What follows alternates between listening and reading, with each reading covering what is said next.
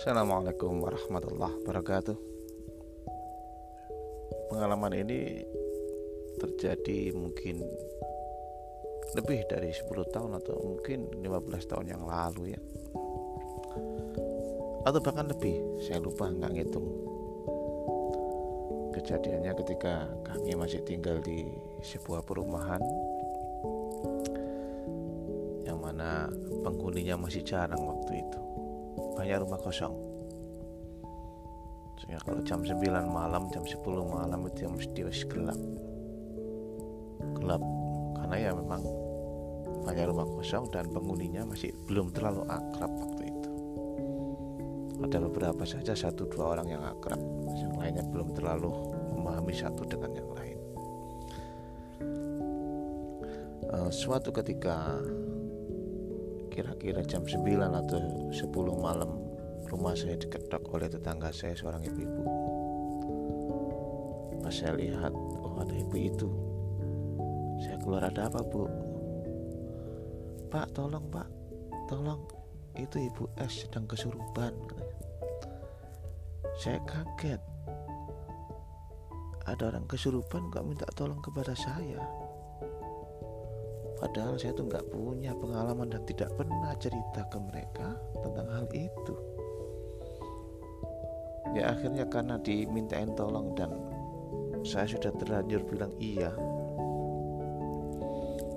Dan saya terpaksa harus berangkat menuju ke rumah Ibu S tadi yang sedang kesurupan kata mereka sepanjang perjalanan yang kira-kira jaraknya itu ada sekitar 20 sampai 30 meter dari rumah saya. Kan ada tiga atau berapa rumah kosong saya harus melewati itu. Sepanjang perjalanan itu seakan-akan kaki tidak napak tanah. Karena takut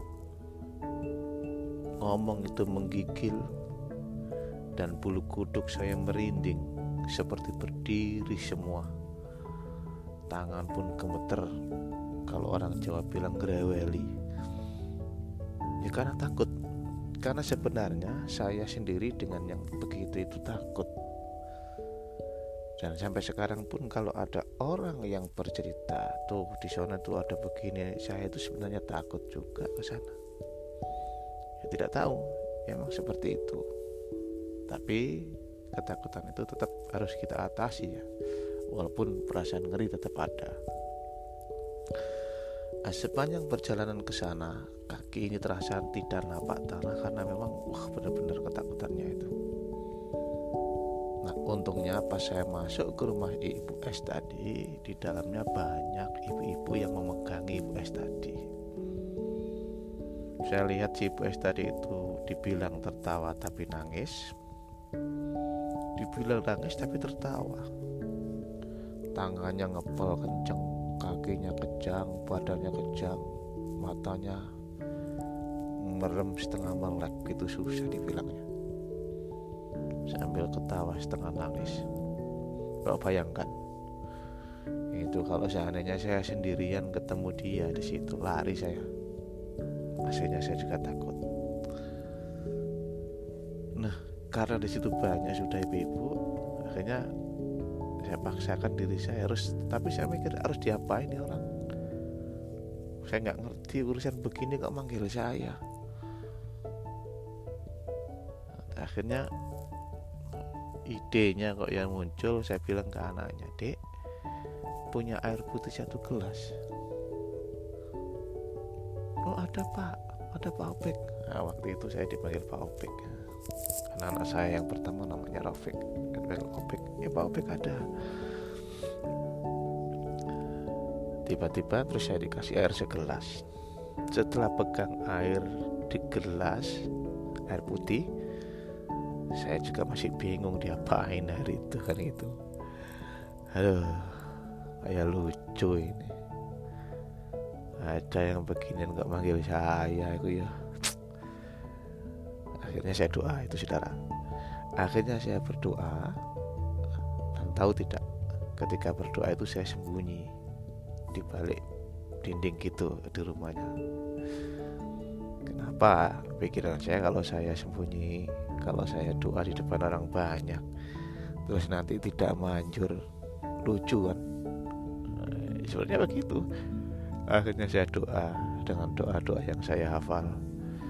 Setelah berdoa saya tiupkan apa air putih itu saya tiup air putih dalam gelas itu. Lalu saya masuk lagi ke dalam rumahnya. Itu saya di balik dinding ya di balik tapi di luar rumah gitu. Terus saya masuk lagi. Saya lihat ibu itu begitu masih ketawa nangis nangis ketawa matanya melek enggak merem enggak kaku. Isti apa ini orang ini nah, tiba-tiba terfikirkan waktu itu ya saya kepioi pakai air. Apa? Kepioi itu dicipratin air itu. Mukanya saya cipratin pakai air. Saya cipratin pertama masih ketawa setengah nangis. Saya cipratin kedua masih tertawa setengah nangis. Saya cipratin ketiga oh alhamdulillah yang tadinya nangis enggak ketawa enggak melek enggak merem enggak badan kaku tiba-tiba lemas berat lemas lemas lemas terus tidur pulas. Tidur pulas itu seperti orang tidur pulas. Wah sembuh nih. Oh, padahal saya juga masih gemeter deg-degan. Bulu kuduk masih merinding. Eh sembuh nih. Akhirnya saya bilang ke putrinya ibu tadi dek ini nanti kalau ibunya bangun atau mamanya bangun atau mama dia panggil mama. Kalau mamanya bangun suruh minum air putih ini. Oh iya Pak Obek terima kasih terima kasih ya. Saya sendiri juga bingung apa ya bener tanya gitu. Apa bener ini sembuh akibat air doa tadi? Atau memang sudah waktunya sembuh aku gak ngerti itu.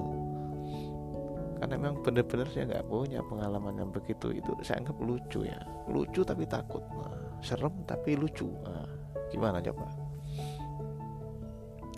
Setelah selesai itu ibu-ibu yang lain juga terima kasih Pak Obek terima kasih. Ah, iya Bu. Pokoknya nanti kalau bangun suruh minum air itu ya. Oh iya iya iya. Nanti kalau bangun kasih minum.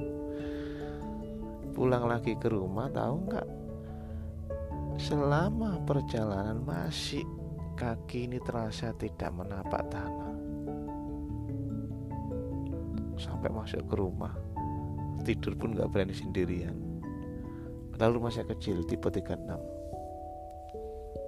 Nah ini buat saya cerita lucu yang tidak apa namanya ya nggak nggak bangga bangga amat dengan kok bisa seperti itu tuh enggak lucu saja buat saya. Padahal nah, waktu saya di rumah tadi ini balik lagi. Waktu di rumah tadi saya sempat kepada, tanya kepada ibu yang manggil ke rumah saya tadi. Saya tanyakan suami dia ke mana? Oh bapaknya sedang gini gini gini gini. Eh ada di rumah ada. Di hati saya ini suaminya ada di rumah kenapa kok manggil saya? Nah Kiki gak ngerti kok. Nah begitu ceritanya ini pelajarannya pelajaran yang bisa kita ambil ternyata. Walaupun kita ini ketakutan walaupun kita ini memang tidak pede nggak punya pengalaman seperti itu. Tapi kalau kita yakin dengan doa-doa yang kita punya ternyata kalau memang benar dia kesurupan karena makhluk halus ya ternyata makhluk halus itu pergi juga keluar juga dari badan yang dia surupi itu yang dia masukin itu. Ini pengalaman pertama. Ya biasa. Ya, karena saya juga punya teman ini pengalaman lucu yang kini saya ceritakan ke mereka. Sambil tertawa-tawa gitu. Tapi di antara teman ada yang benar nganggap serius kalau saya bisa seperti itu. Padahal sudah saya jelaskan saya itu nggak ngerti ini gini nggak ngerti. Tapi kenapa? Udah saya jelaskan. Dan di perumahan itu juga kemudian ada kejadian lagi. Seorang ibu di gang lain kalau saya dulu dan di blok lain ya, waktu saya sore-sore di blok lain ada ibu yang katanya begitu. Tiba-tiba teman saya yang kemarinnya mendengarkan cerita yang saya anggap cerita lucu saya ketawa-tawa itu dia lari ke saya. Kebetulan saya duduk di atas motor sambil ngobrol dengan teman saya di gang tersebut. Tetangganya ada yang begitu.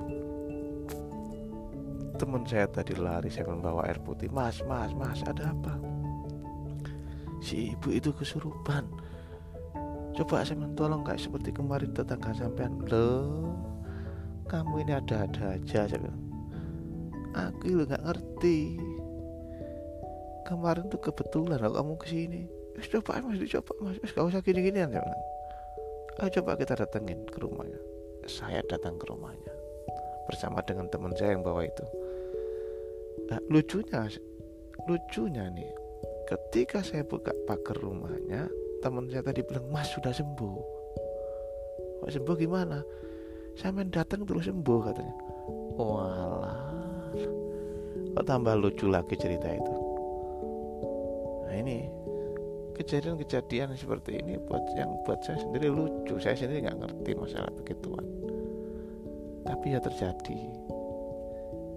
Nah, ini pelajarannya saya nggak ngerti. Pokoknya yang tadi saya sampaikan itu ternyata walaupun kita ini gemeter ketakutan nggak karu-karuan nggak pede kalau kita yakin kepada yang kuasa dengan doa-doa kita ternyata bisa ngebantu begitu. Kalau memang dia kesurupan kata mereka aku nggak ngerti ini cerita.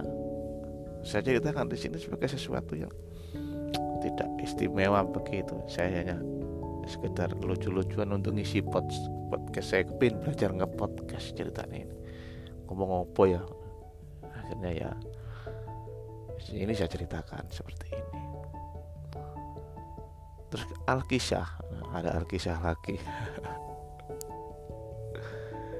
Saya pindah. Dan ini tidak di Indonesia juga. Ya jadi tidak di situ karena saya 2005 sudah meninggalkan perumahan itu dan keluar saya. Nah, kejadian ini menimpa teman lagi yang katanya begitu. Saya ditelepon seseorang pak pak pak. Saya nggak tahu lupa lagi bahasanya. Tapi waktu itu saya nangkep kalau memang kesurupan gitu. Bahasa dia itu. Akhirnya saya datang ke rumah dia. Saya bilang pak ketika saya datang pak mana? Oh itu pak rum itu nah, di situ. Diajak saya dibawa ke lokasi dan ketika di lokasi yang ini lebih serem lagi nih daripada yang pertama pengalaman pertama-tama saya itu. Saya masuk saya salam assalamualaikum. Wah ini orang yang katanya kesurupan itu melihat saya saya melotot gini sambil terus gereng seperti macan.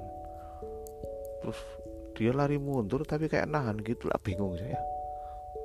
Ini yakin saya kasih tahu ini seandainya tidak ada orang yang nelpon saya tadi di sebelah saya udah lari saya itu.